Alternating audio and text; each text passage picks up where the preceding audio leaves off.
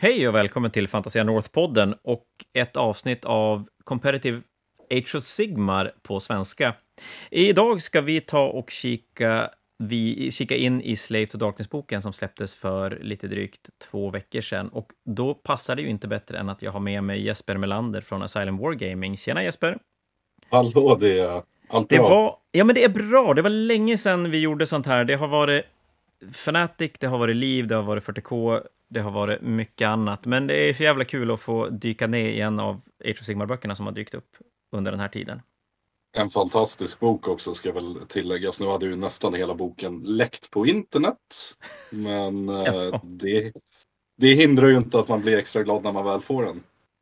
Nej, verkligen inte. Det, eh, nu har ju då inte boken kommit löst än, utan den är ju bara i den här eh, Slate of Darkness Army-setet som är släppt. Men som du säger, eh, produkten, allt från lådan till figurerna som kommer till utseendet på den här eh, begränsade upplage Battletomen är faktiskt helt fantastiskt snyggt. Och ja, men det, jag vill nog sticka ut hakan och säga att det är förmodligen den snyggaste Army-boxen de har släppt när vi tar in alla delar i den.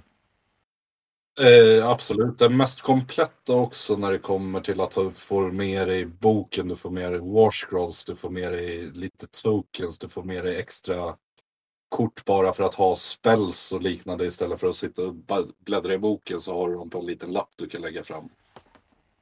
Ja, sådana där små grejer som, som man kanske inte egentligen behöver. Man kanske inte känner ett behov att köpa om man inte får dem. Men det är för jävla skönt att ha när, man, när de bara hänger med. Oh ja, alltså det är en 10 av 10 låda det här rakt av skulle jag vilja säga. Inte bara för att modellerna i den är fruktansvärt snygga. Men det är väl egentligen bara de här tre ogresarna som inte kommer att se play på det sättet också. Ja, det är så. Alltså, det är för att det du får med då i den här lådan, det är en unit med Chosens. Det är den nya demonprinsen som vi har sett nu ganska länge i olika artiklar i Warhammer-communityn. Och så sen är det de här ogresarna som jag nu då helt plötsligt våldsamt bläddrar i boken för att hitta för att komma på vad de heter. Jag kommer fan inte ihåg vad de heter. Eh, Det var ungefär så bra de var i boken också tänkte jag säga. Men Så att då, då fick jag helt enkelt inte regler i dem. Ja, ja, det må vara. Vi dyker säkert på de här om ett tag. Men det är det du får med, får med i lådan. ja. Och så sen finns det ju då... Och, ja, eh, inte bara att det är en enhet med chosen. Det är ju faktiskt två enheter med fem. Det är till och med två. Det Yes, är Ogroid ther, ther, ther, Theridons. Kan det vara så kanske? Precis, precis. Mm. Eh, Och så är det två chosen-enheter och så en demonpris som du kan bygga i, i nästan alla olika utföranden. Ja, det är, det, det är en schysst låda.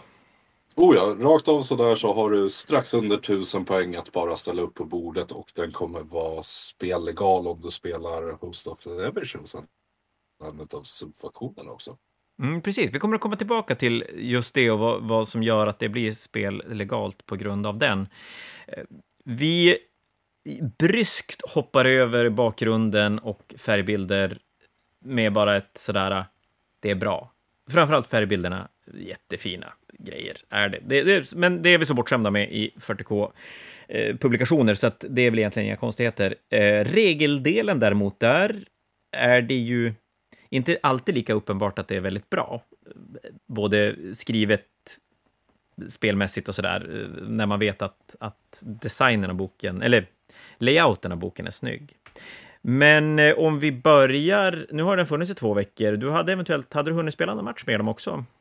Jag spelade en match här i morse som eh, jag tyvärr förlorade med dem för att jag eh, glömde bort att eh, min motståndare hade en TP. så, så det gick inte så jättebra. Eller, det var tajt. Det var två poäng differens i slutändan. En riktigt trevlig match. En kul match också. Spelade mot en Big Wag med orker som båda två ville in och slåss lite. Och slå tärning. Ja, men det är kul. Att rulla tärning och springa rakt fram och slå varandra i huvudet, det, det kan nästan aldrig bli fel. Vad tänkte jag säga? Din sådär övergripande känsla av boken nu när du har hunnit pilla på den lite grann och hunnit spela några matcher. Hur, utan att gå in i detalj, hur, hur känns den rent spelmässigt, nivåmässigt och lite grann kvaliteten i själva regelskrivandet? Om jag ska dra den lite så då, att jag brukar ju gilla att ranka en armé 0 till, eller 5-0 eller 4-1, 3-2 och så vidare. Det här är en bok som en duktig spelare kommer ha svårt att gå 5-0 med på en turnering. Men i ett lagformat så kommer du ha alla möjligheter för att stänga ner specifika motståndare om man säger så. Att du kan bygga en lista som, okej okay, det här är det absolut bästa jag kan spela just nu om det är Lumineth eller vad det är. Om det är orker eller uh, zombies eller vad det nu är. Så kan du ta den här boken och säga okej, okay, jag tänker vinna mot den som är bäst. Sen kanske jag förlorar mot någon annan. Men du kommer aldrig ha en uh, autoförlust eller en dålig match med den här boken. Och då tänker du att nu vet jag att det går ju inte att svara, men, men om vi säger att oavsett egentligen vilken typ av armé som är top notch för tillfället så har den här armén så mycket verktyg att den kan bygga mot just det, även om det är mycket magi eller mycket monster eller, eller hord eller vad det nu är för någonting. Absolut tycker jag det. Det här är en av de... Jag hade ju tidigare så är ju Soulblight uh, eh, Gravelords min absolut favoritbok som är skriven. Jag, jag mår nästan lite dåligt av att säga det här att den här kickar in som en god tvåa. Eh, förmodligen så har den gått om men det kommer jag aldrig erkänna. Eh, det är en av de man ska vara principfast. GV har släppt. Ja, ja. En av de bästa böckerna GV har skrivit. Och då pratar vi bäst i, i den form att den känns väldigt välbalanserad och rätt i, ska vi säga, meta, eller ja, rätt i nivå i vart, vart Age of Sigma ligger nu. Rätt nivå i vart Age of Sigma ligger nu, samt att om du vill spela tematiskt så kan du göra det. Vill du spela det hårt så kan du göra det. det. Det är sånt djup i den här boken att vem som helst kan må bra av att spela med den. Ja, det är roligt och den har ju enormt mycket, vi kommer komma lite grann till det sen, men den har enormt mycket val när det kommer till, till battle, eh, till batalj, nej vad fan heter det, oj. Eh, Battleline. Det var en Warscrolls menar jag. Åh gud, ja. det är ju lätt. Det är sent. Jag har spelat padel i två timmar, jag är fan ganska mör. Nej, men eh, de har väldigt mycket Warscrolls. Otroligt mycket Warscrolls. Och det är klart att det... Är det inte välgjort, då blir det ju ett problem oftast, för att då är det bara massa skit. Eller att det, det uppenbarar sig enorma kombinationer som gör att boken bara blir bruten. Men det är klart, är det välskrivet så är det ju helt fantastiskt, för att som du säger, då, då kan man välja bort det man inte gillar även om det är det bästa, så kommer även det, det, andra, det som är näst bäst, kommer vara tillräckligt bra för att kunna spela vettiga matcher. Och det är ju drömmen, när, när det är skrivet Precis. så. Det är ju, om vi tar eh, Stormcast-boken som ett så här praktexempel på en bok som har eh, lika mycket Warscroll som inte mer. Så tycker jag att den här boken är betydligt mer välkomnande att välja lite udda enheter. Eller Warscrolls. Det, sånt är väldigt bra och precis som, som vi ska återkomma till, att det, det finns, finns gott om, om udda, udda enheter och, och obskyra enheter som man, man kan välja på i den här boken. Eh, så, så det kommer, vi kommer inte gå igenom alla, för det kommer bli helt galet, men eh, vi kommer snacka om en del. Men nog om detta. Vi gör så här att vi kommer helt enkelt gå igenom den här boken den ordning som den är skriven, typ. Och då gör vi så att vi ska börja med lite, lite Allegiance Abilities, lite Battle Traits. De har i alla fall en grej som är unik för den här boken och det är deras Eye of the God-tabell, så den ska vi snacka om. Eh, men först kanske vi ska, ska prata om det mest, ska vi säga, det hela det som gör egentligen Kaosarmén väldigt speciell i grund, i, oavsett vilket spel, om det är Warcry eller om det är 40K eller Age of Sigmar. Och det är ju deras Mark of Chaos, där du kan välja att spela någon av de fyra kaosgudarna eller bara en undivided-lista. Och det är ju självklart så i den här boken också, att du kan välja vilken gud du vill följa. Och, och det följer upp med lite, lite olika perks. Precis. I den förra boken så var det här väldigt keyword-inspirerat på liksom Undivided Corn, Siege, Nurgle eller Slanesh. Och sen fick du en aura-buff från din general eller en annan hjälte. Nu är att varje enhet är självopererande. Så du kan verkligen skräddarsy vad en enhet ska ha för roll i listan. på ett helt annat sätt nu. Vilket är fruktansvärt trevligt. Mark of Case Undivided så är det att eh, alla Mortal och eh, Ogroid Slaves to Darkness Units Undivided eh, då, då får slå eh, på Eye of the Gods. Eh, och du kan rerolla ettor på den. Eh, så det blir liksom att de får Eye of the Gods keyword även på Caves Warriors eller andra saker som inte normalt sett är där. Och då är Eye of the Gods den, den är cool, den ska vi gå igenom lite sen, men uh, den är frän, är den. Mm. Den är riktigt häftig. Är den. Sen har du ett speciellt command trait för dem också, men eh, jag tänker att vi går igenom de andra delarna Korn, om du chargear så får du en extra attack på dina uh, melee heuristics. Attack heuristic of melee weapons i samma tur. Med Siege så får du en 6 plus spellignore på enheten. Samt om du är en wizard så får du tillgång till att eh, teleportera en enhet. Med Nurgle så får motståndare minus ett wound mot dig i närstrid. Jätte jättestarkt i vissa kombos. Ja, det lät bra. Det är väldigt bra. Ja, det. Och med Slanesh så får du plus ett på run and charge rolls, vilket också kan synka väldigt, väldigt bra. Och speciellt då om du väljer att spendera deras command ability som är att du får run and charge på en enhet. Så du kan ta dig över bordet väldigt mycket snabbare. Är det någon av de här som känns bara vara bättre? Eller är det lite grann beroende på vilka enheter man känner att man, man vill ha med i armén? Det är det som är grejen med det här, att här börjar du liksom skräddarsy din armé med eh, att den enheten ska ha rollen att de ska komma in och slå bort motståndarna efter att om vi tar Korn då, Chosen kommer jag alltid spela med dem. Eh, jag liksom plus en attack när de chargear och sen så har du Case Warriors of Nurgle eller liknande som står längst fram och tar emot första chargen. Sen backar de ur och släpper in eh, Chosen of Corn istället. Så alla enheter börjar skräddarsy vilken funktion du ska ha i listan. En och du får hammare. välja olika märken i din armé. Du behöver inte alla Precis. samma på alla. Precis. Så det är verkligen att du du bygger istället för som vi brukar ha hammare och smedjan liksom, eller hammaren och vad brukar vi kalla det nu? Ja, någonting som, som tar smällar istället för att slå. Ah, Precis. Någonting smart. Ja, någonting brukar det heta, men du har din hammare i en armélista. Nu har du bytt ut hammaren, nu bygger du en slägga med det här istället. Och den där tankeenheten, ja men det är inte en tankeenhet, det är en pansarvagn med en pansarvagn utanpå sig som står och tankar emot istället. Så du, du, alla enheter när du bygger det här börjar få en unik roll i styrkenivån du kan få upp det i. Helt enkelt. Finns det en risk i det här att, att vissa typer av enheter egentligen alltid kommer att ha ett visst mark? Att det, det blir så uppenbart att, säg då att Chosen ska ha Mark of Corn, eller att Knights alltid ska ha Mark of Slanners, eller, eller kommer det att finnas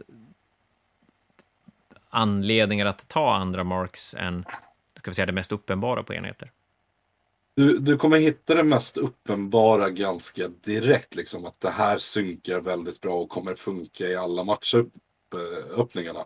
Och det är därför jag menar att det kommer vara enkelt att gå 4-1 men svårt att gå 5-0. För när du går 5-0, det är när du har börjat se bortom det här uppenbara och liksom vågar öppna upp dig för att testa de här andra grejerna. Liksom. Eh, Chosen som sagt, jag skulle alltid välja Mark of Corn på den. Bara nu när jag sitter och tänker på den. Mark of Slanesh eh, plus ett på Ronan Charge. Vänta, jag har en enhet som går 5, slår som en jävla godståg. Vad händer om jag får run and charge på de här? Kan alltså springa upp till 12 tum och sen chargea 2 D6 på det med plus 1 på chargen. Eller plus 2 blir det till och med för att de har en trummis i sin enhet också. Helt plötsligt har jag gjort nu, alltså det jag tänkte skulle vara en hammare blev en hammare med eh, raketeld i arslet också. Ja, men då har du rätt i att det kanske är så att så slår man tillräckligt hårt så kommer det till en punkt när det inte är lönt att slå hårdare, utan då är det bättre att vara snabbare Precis. för att kunna utnyttja och, det på ett annat sätt. Och där kommer det alltid vara så. Alla har vi olika spelstilar. Så du kommer verkligen hitta vad som passar dig som spelare med det här också. Ja, och på det då att det finns 40 enheter att välja mellan. Ja, ja, ja. Det är liksom utmärkt djup i den här boken för att hitta vad din roll är. Eller vad du gillar att spela när du spelar och framförallt då om vi kommer till lagformat som är eh, som jag sa, liksom, den här listan ska kontra det där så kommer den kunna kontra det också. Mm, ja, det kan jag tänka mig. Eh, finns det någon anledning, för, för även karaktärer och grejer ska man välja Mark of Chaos på? Yes. Finns det någon anledning att inte välja Sinch på Magiker? Är det för att man kan få tillgång till spel som känns intressanta i andra spellores, eller? Det finns ju bara en spellore. Det du får på Mark of Siege ändå, det är ju att den magiker som är Mark of Siege liksom får en eh, teleportspel. Och den kan han bara lägga på andra Siege-enheter också. Så en Siege-magiker kan inte teleportera en Korn-enhet till exempel. Så vill du, vill du ha liksom möjligheten att förflytta någonting på bordet eh, utanför eh, liksom vanlig movement så behöver du ha två enheter med Siege-keywordet. Så där är du inne också på vad, vad är det jag vill göra med listan? Vart vill jag göra det? Hur vill jag göra det? Ja, då blir det mer att fundera kring. Oh ja, det här kommer ta en bra tid innan någon har låst upp boken till fullo. Sen kommer den gå bra fram tills någon har gjort det också. Men det är lite som gamla Nighthaunt och Ronja.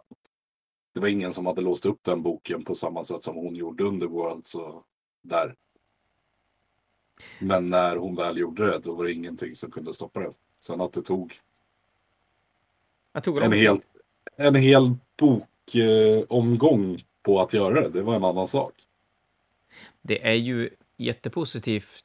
Sen kanske det är lite väl extremt att, att nycklarna finns så djupt gömda i boken, men det är väldigt positivt när en bok inte knäcks så fort och det, det ger en anledning att titta på enheter som internet inte kanske har pratat om. Och där kommer vi tillbaka till fördelen med att ha väldigt mycket val i en bok är ju att om den är välskriven så är ju lösningen ganska långt bort. Det kanske inte ens finns en, en, en lösning på boken. Är det få enheter så är det ju lättare att knäcka den och det kan jag väl tycka generellt sett är ett litet problem med Age of Sigmar att många Battletomes har ganska få enheter att välja mellan och, och, då blir variationen inte så himla stor. Så det är kul att de verkar ha lyckats göra en, en, en Battletome som, som ger den, den variationen som, som behövs. Men sen då, då har du nästa så här generiska arméregel, det är då Eye of the Gods-tabellen som man kan rulla på, som är ju verkligen en, en, en gammal flört till, eller en flört till en gammal, gammal regel som redan fanns i de första 40K kaosböckerna som kom i, i sent 80-tal, där man kunde slå på tabeller och, och kunde, karaktärer kunde bli spåns, och det där har ju följt med i olika fantasyutgåvor av kaosböcker under alla år egentligen. Och, och, den är tillbaka och du kan fortfarande bli ett spån. Yes. Alltså det här är ju riktigt kul. Det här är ju verkligen hur gudarna ska belöna dig för att du gör någonting väldigt väl och så. Eh, så varje gång en... At the end of each phase, for each enemy hero or monster destroyed by a friendly slaves to darkness unit with Eye of the Gods keyword, including those destroyed by an ability or spell used by that slaves to darkness unit. Make one roll on the Eye of the Gods table for that Slaves to Darkness unit and apply the effect of the result. In addition, if you gain control of an objective previously controlled by your opponent, make one roll on the Eye of the Gods table for each friendly Slaves to Darkness unit with the Eye of the Gods keyword that, that is contesting it. Och så slår du två D6 och så får du det resultatet eh, för hjältar. För andra enheter så får du slå en tärning och plus två på slaget. Och de här sakerna kan ju stacka också om det är så att de gäller för resten av matchen. Slår du dubbeletta så blir du en eh, eh, hjälten en i span. Mycket rimligt tycker jag. Då lekte gudarna med en hela vägen. Och därav då plus två på den här singeltärningen för att din enhet ska inte kunna bli ett spån. Låter rimligt. Precis. Slår en trea så får du ingen effekt, men du klarar dig från att bli en span. Fyra så får du hela D3. Eh, kan du inte hela så är du samma som en och har slagit en trea. På en femma så får du en 2 plus spell ignore på nästa spell som vill påverka enheten. På en sexa får du plus ett på charge rolls. På en sjua så får du ett 6 plus ward shape resten av matchen. På en åtta får du plus ett i rend för resten av matchen. Och den där jagar man med vissa enheter under matchen. Om man rullar flera åttor under matchens gång, stackar man då renden? Det är som de har skrivit på designer note. Some effects on this table apply until the end of the battle. These effects are cumulative. Så ja.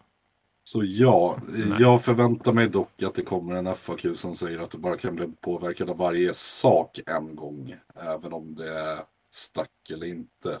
Eller hur man nu ska säga. Men fram tills den kommer så har de ganska snyggt sagt att eftersom det är some effects on this table apply until the end of the battle. Eh, när samma effekt stackar så får vi väl se om det är så de har tänkt eller inte. Ja, det känns väl som att det kan bli, även om du inte får välja effekterna så känns det ju som att det kan bli ganska, ganska bra. Om, framförallt, nu är det ju svårt, men det, du får inte slå på tabellen exakt hur mycket som helst, men får du börja rulla lite grann, då, då kan det bli knasigt. Men det får väl spel, spelet avgöra efter, efter kanske ge det någon vecka först och se vad som händer. Du var på åttan, så nian då? Då blir du, alltså, vilka har siffran nummer nio? Kan vi ju fråga oss ja, först. Ja, vet ni det? Jag vet. Det är inte Slanners. Nej, den har redan varit. Det är eh, Siege, så du blir en wizard och kan kasta en spel. Och är du redan en wizard så kan du kasta en extra spel. Och har du corn keyword så tar du det här som att du får plus ett i rend istället. Som är åttan. De har ju gjort det ganska snyggt. De har gjort det väldigt bra. Sexan är Slanesh, det är plus ett på, run, på chargen. Eh, sjuan är lite extra tankighet, det är sex plus warden. Åttan är lite kornaktigt plus ett i rend. Och nian så blir du en wizard. Jag gillar det när de gör sånt där. Ja, alltså det är en väldigt fin liten honör till de andra böckerna. Och liksom även helheten i Chaos. Ja, på en ja, 10 så får du en 5 plus ward. Och på en 11-12 så får du förvandla din eh, hjälte till en eh, demonprins. Som har samma mark och samma saker som tidigare. Har han en spell eller artefakt så får han behålla det också. Ja, det är ju bra. Mm. Det, det, är väldigt snyggt gjort. Det är jättebra skrivet det här tycker jag. Sen är det ju alltid lite synd att man måste då eventuellt köpa en till demonprins för att ha extra med sig. Eller så är det ganska bra. Jag tänkte säga, jag har inte alla typ fyra, fem? Jag har fem stycken. Jag har en till varje armé här ute. Annars kan Fantasia se till att ni har fyra, fem också. Det är lugnt, oh ja. det löser vi. Inga problem. Nej, det tror jag inte. Och den nya demonprinsen, jag byggde ihop den här i går. Jävlar vad snygg. Ja, och eh, även att du har möjligheten att bygga den som alla olika. Du kan bygga med kornhuvud, du kan bygga med slanashuvud, nörgelhuvud, med eller utan vingar. 40k-prylarna satt på Sprum, det gillade jag inte däremot. massa, massa skit i vägen som man inte vill ha. Jag trodde nästan det bara jobbigare en... att leta. Ja, men eller hur? Jag tror faktiskt det skulle vara en separat Sprum med 40k-bitarna till den eftersom den skulle vara med i båda spelen, men det är klart det är väl smidigt att ha allting som ett enda kit. Den här Övergad-tabellen, hur mycket impact på spelet har den? Eller är det mer en sån här kul gimmick som gör lite grann, eller är det någonting som man kan räkna med, bygga runt, spela med? Eller får man som bara ta det när det kommer? Både och. Eh, du har lite command rates och liknande som kan få dig att interagera med det där på ett helt annat sätt. Vilket kan skapa väldigt, väldigt roliga kombos. Men det generella med den är att det är en bättre bonus än något du spelar för att utnyttja till fullo. Ja, just det. Så det, det, är någonting som dyker upp och så är det, det, det är lite kul och, och, det kan vara bra när det händer, men det är inte så att du kan räkna på att rulla en sexa och få plus ett i charge, utan du får, som, du får anpassa det till efter det du får när du väl får det. Lite som att hitta en 20-lapp på gatan. Det händer inte så ofta, men när det händer så blir du lite glad. Då blir det godis. Ja, ja Bra det grejer. blir det. Bra grejer. det blir det. Eh, nästa, Damned Legion ska vi återkomma till. Det är som nästa på listan, men det blir lite fel nu. Sen är det ju som vanligt i Age of Sigmar Beltomes en hel drös command traits, relics, artefakter och grejer. Eh, eller ja, artefakter heter ju faktiskt inte relics. Eh, som man kan välja mellan. Och jag tror inte att vi gör någon en tjänst av att rabbla upp allihopa, utan vi kan väl fundera mer kring vilka kommer att göra avtryck? Är det några som är så här, det här ska man ha med, eller det här kan vara riktigt bra tillsammans med någonting annat? Nu hoppade vi över en liten eh, detalj där, blev Damned Legions, Wows of Darkness.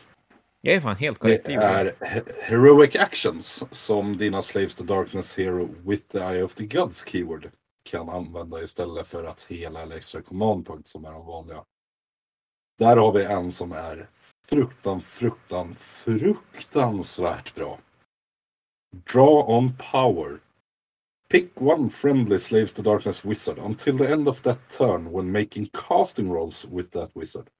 Roll three dice instead of two. However, if the unmodified roll of two on two or more of these dice is one, the spell miscast and the caster suffers d6 mortal wound instead of d3. Okej, okay, så att dubbelettan räknas ändå, men det blir, den, blir, den blir värre, men det kommer mycket lättare att få igenom spells. Ja, speciellt med tanke på att det är att du rollar tre tärningar och inte räknar de två bästa, utan du kan helt plötsligt slå tre tärningar och räkna in alla tre.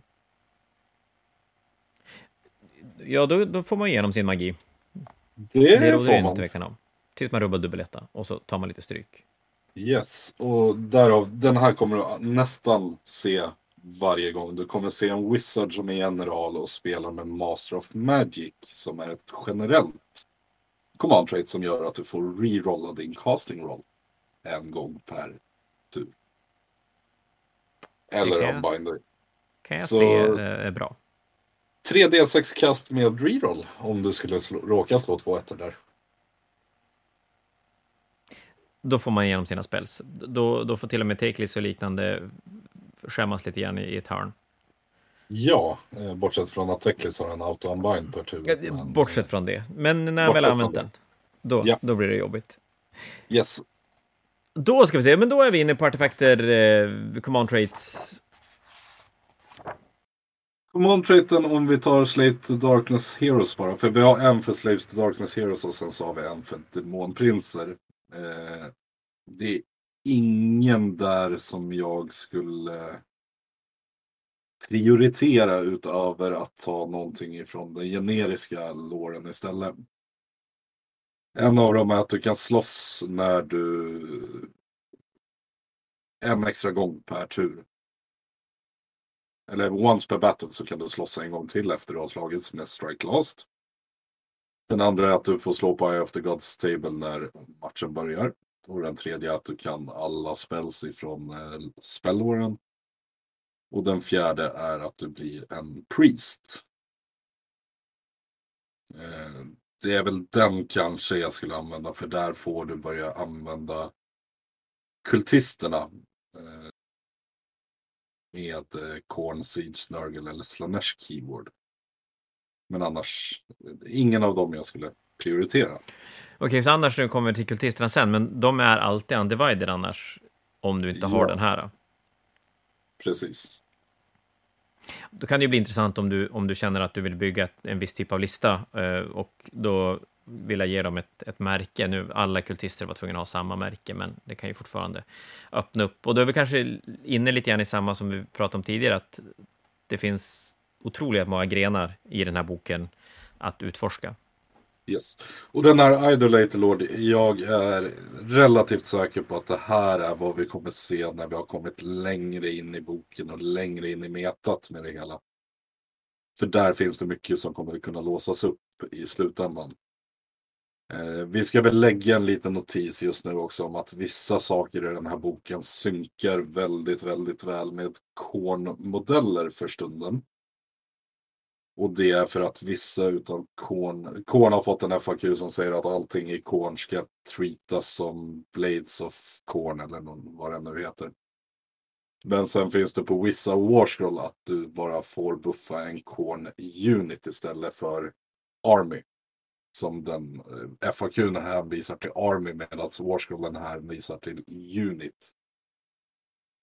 Så vi kommer för stunden se lite shenanigans och skit komma ifrån kornsaker. Eh, det kommer förmodligen att försvinna ganska snabbt när första FAQ, den riktiga, kommer ut. Och det är lite därför jag kommer i alla fall inte tillåta den här boken först den FAQ har kommit. För det här är ju inte den eh, officiella utgåvan utav det. GV har ju själva sagt att det här är inte eh, matchplay legal än.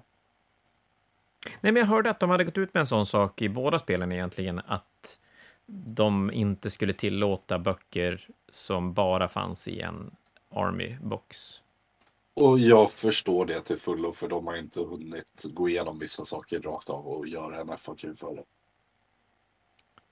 Nej, och det är ju lite rörigt när man inte bara kan plocka upp boken utan du måste köpa en hel armélåda och väldigt ofta är de här armélådorna inte så himla lätta att få tag i när de väl är släppta. Så att eh, boken kan ju faktiskt vara helt omöjlig att få tag i under en period. Och den här boken ser väl... Ja, frågan om den här boken kommer komma löst innan jul, det är väl inte helt hundra säkert faktiskt. Högst osäkert faktiskt. Det börjar, det börjar närma sig. Har du några lådor kvar eller? Det finns lådor kvar, så behöver ni en låda så Fantasia har, eh, så på fantasianorth.com så finns det ett eh, 20-tal kvar fortfarande. Det ska sägas att lådan har sålt, den har sålt bra. Ja, det har den. Den har sålt bra. Den, eh, den kommer väl kanske inte upp i Våtan och eh, Astra-nivåer, men, men eh, Age of Sigmar-mässigt så är det jättebra. Och det visar väl lite grann också på att jag tror att Kaos är en armé som lockar väldigt många oavsett vart du står någonstans i spelet och produkten är så jävla snygg så att många blev nog pepp bara på att det är en så fruktansvärt snygg låda. Oh ja. Eh, om du spelar Slaves to Darkness generellt bara också så är den värd varenda krona bara för War Scrolls och boken i sig skulle jag säga. Eh, nästan. Alltså det, det, det, är en så... Det är en så välgjord låda det här så det är löjligt.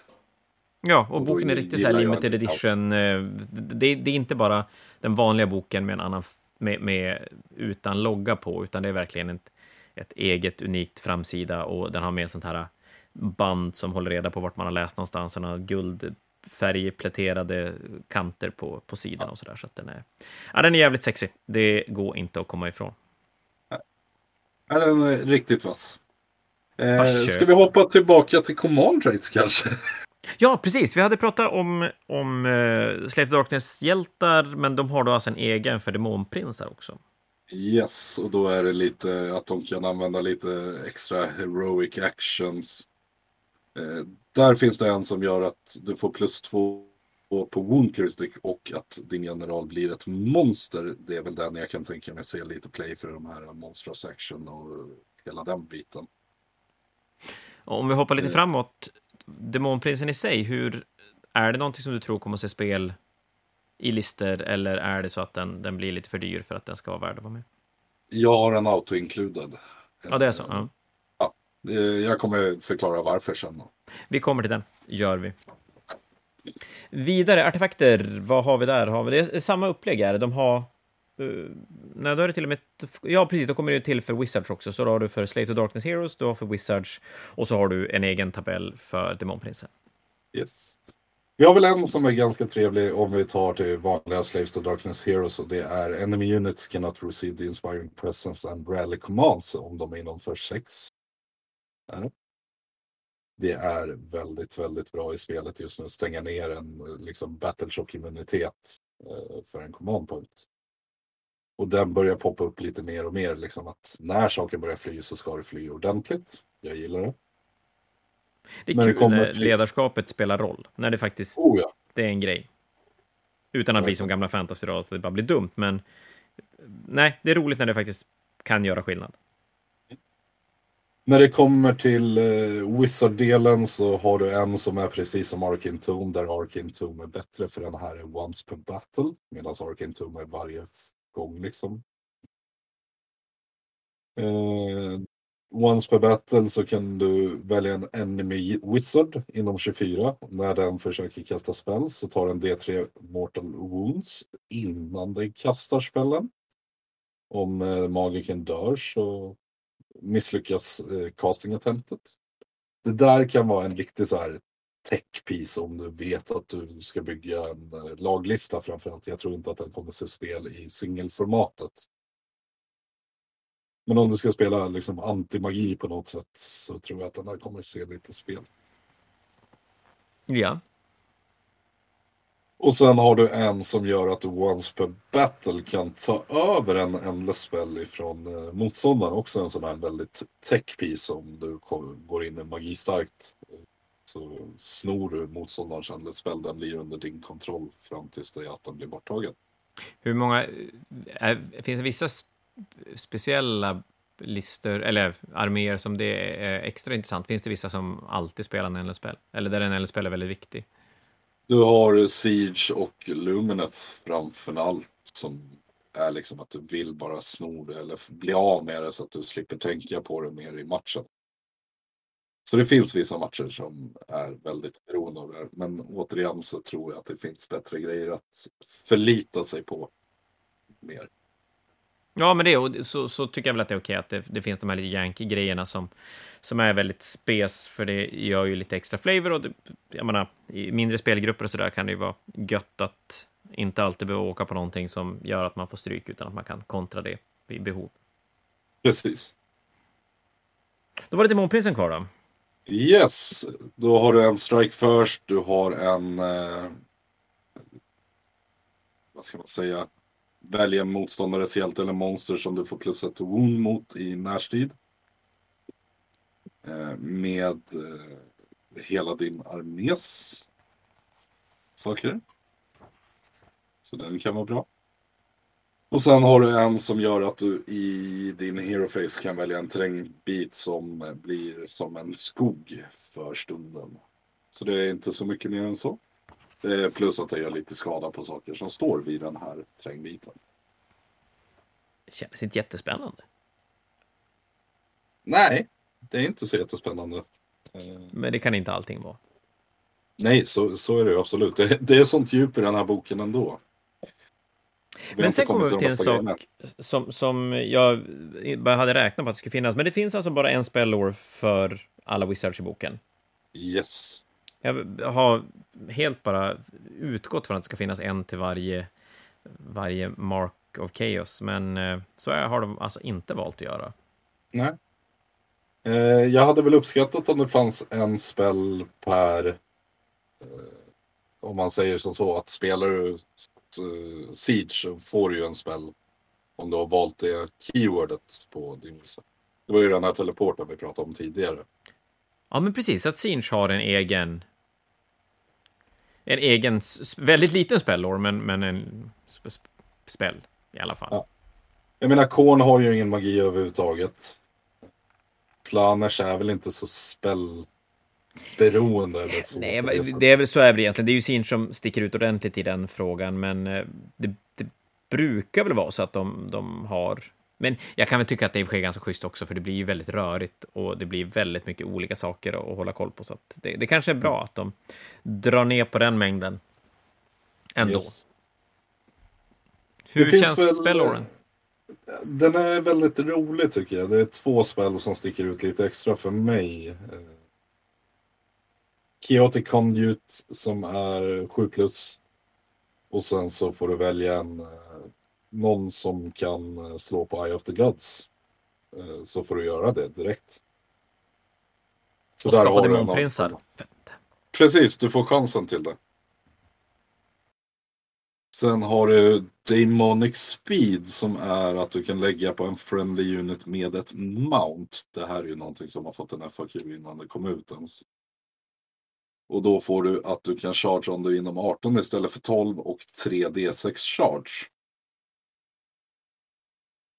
Det kan vara väldigt effektivt i vissa matcher.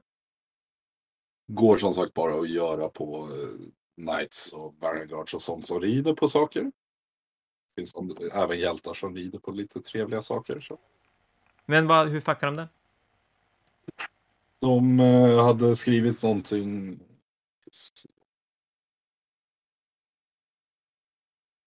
De har casting value 7 nu istället för 6. Så den har gått upp med en poäng för att kasta. Okej, ja. Så att få 3D6 charge på en casting value 6 är lite för enkelt. 7 gör det lite svårare i alla fall. Ehm, och det, det blir ingen sån här dum grej som du kunde göra med Stormcast, att du kan droppa ner och chargea eh, från deep strike och grejer, eller, eller, kan man göra, eller att du kan komma in från reserv och chargea på en gång. Det kan du göra med den där. Ja, det här är ju en spel som måste gå av och du måste lägga det på en enhet som är helt inom 12 för att göra det. Men säg Okej, att ja. du spelar med eh, Siege Keyword på Magiken. Eh, bara för att dra iväg det här lite då. Du spelar Siege Keyword, du spelar ett lite större block med någonting. Du TPR då. Fem, eller du kastar den här spelen på en enhet med Varanguards. Som har Siege Keyword och så teleporterar de efteråt och är de utanför 9 men de har en 3D6 charge. Kan göra väldigt ont. Ja. 3D Det är är här- bra. Ja, ja. Oh, ja. Och speciellt på en enhet som är väldigt, väldigt tankig generellt. Och det är där jag menar att det är så många i den här boken som behöver öppnas och speltestas på riktigt innan man förstår vad man faktiskt kan göra med den. Ja, men det kan ju bli sådär att man, man eh, en månad in i, i spelandet upptäcker att fan, det här, det här var ju bra grejer. Ja. Ja, det är bra. Eh, sen har de eh, magiska baner också, eller ikoner. Ja. Och det här är väl det absolut starkaste i boken, tycker jag. Eh, när du kan ta en extra artefakt så kan du istället välja att ta en extra sån här istället. Och det är här som du börjar liksom bygga, vad är det för roll min enhet ska ha? Har du en enhet som har eh, liksom vilken som helst eh, keyword så kan du välja en baner som gör att Enemy Priest, som inte är Keys, får minus ett på sina prayers.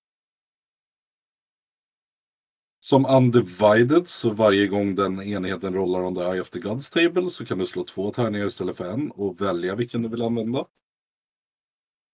Spelar du Banner of Corn eh, på en Corn unit då bara så kan du få plus ett to wound rolls för attack made with melee weapons. Så väldigt mycket kan komma ner från en 3 plus till en 2 plus. Eh, lite enklare. Eh, en av mina favoriter är Siege-enheten som får ett 4 plus ward save för eh, saker som har eh, mot missile weapons. Så skytte får du ett 4 plus ward emot helt plötsligt. Och är Det måste vara ganska bra att ha på, på enheter. Det, det är ju, jag menar, bara ta bort hälften av alla wounds från, från skyttet är ju...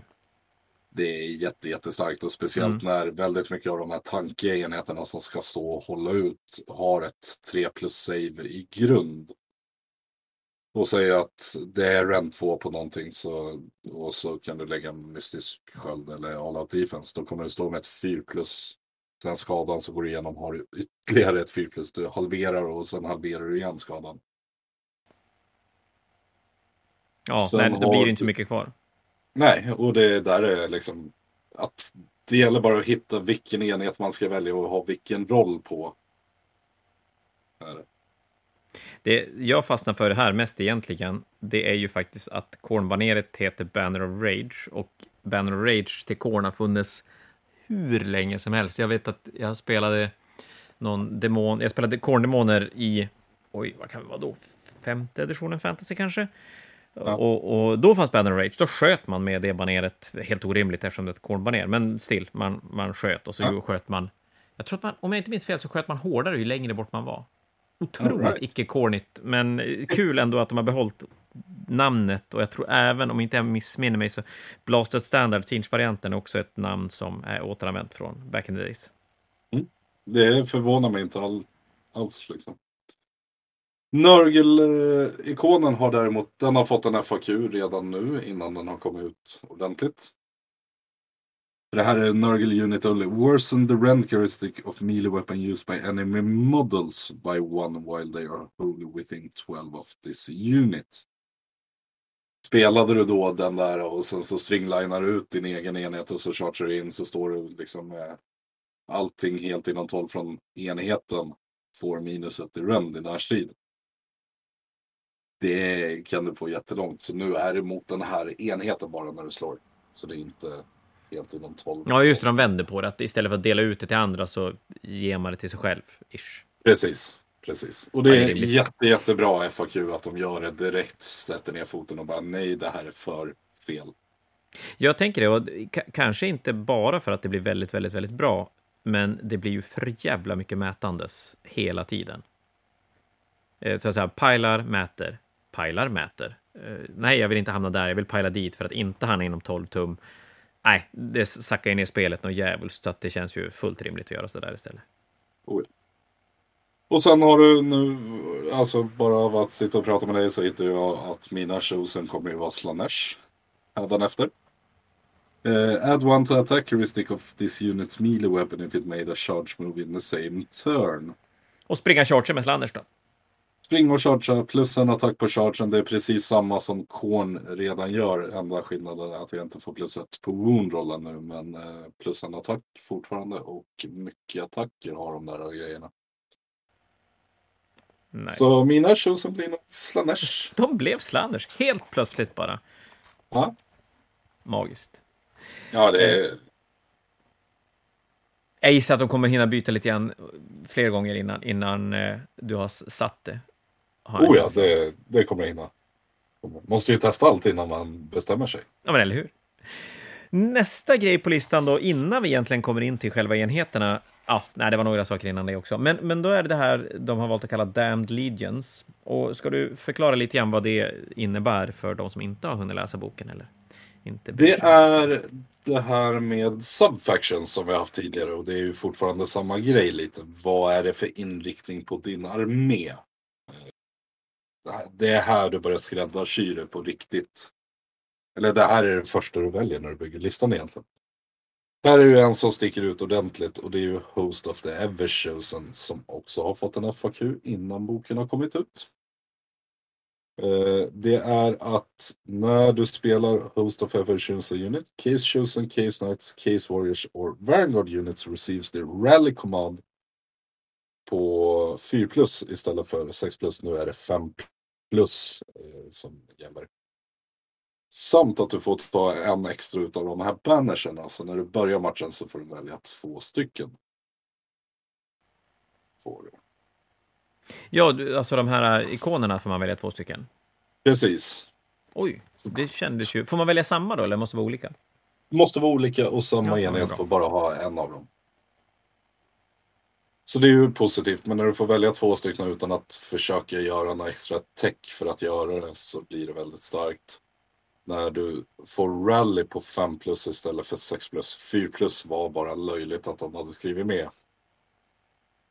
Står det ett 20-mannablock med Case Warrior säger vi som är 3 plus säger i grund och svår att döda.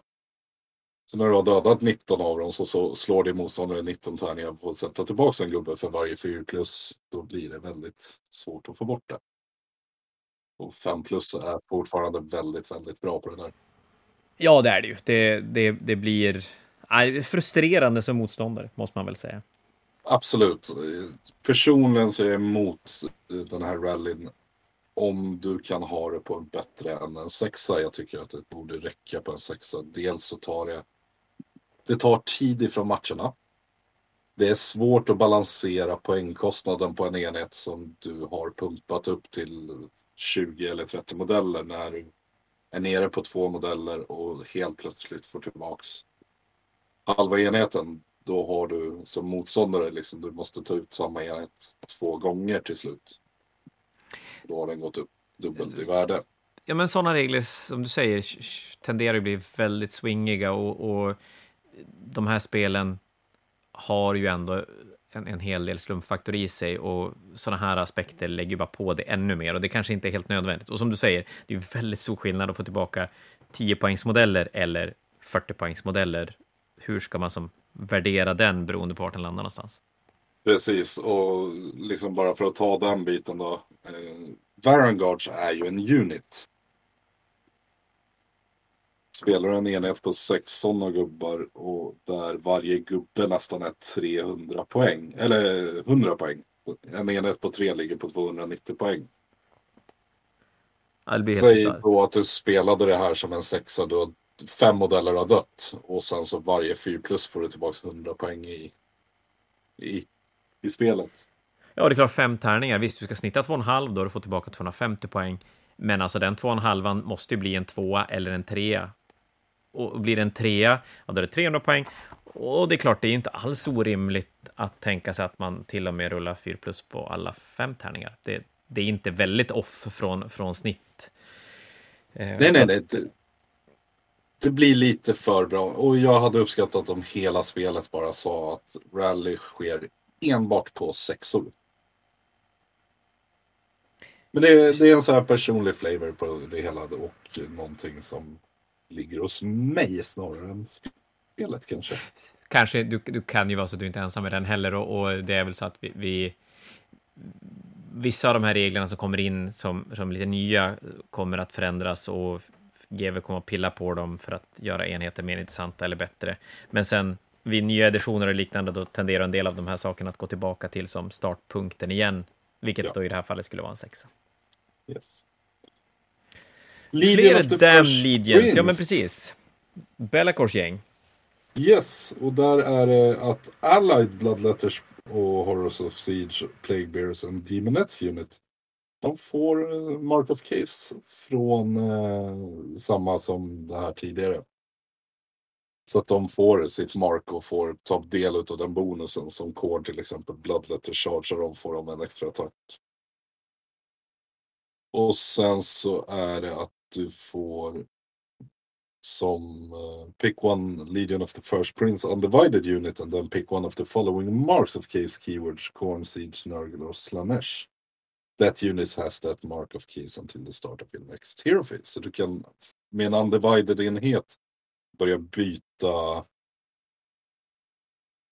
eh, byta mark liksom för att anpassa dig ännu mer i matchen.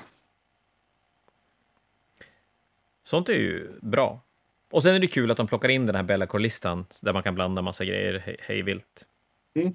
Och det enda jag tycker är lite tråkigt är väl att eh, de här, om du spelar Legion of the First Prince där, att det är Allied Bloodletters. Jag tycker bara att det borde vara att de räknas som Army Faction.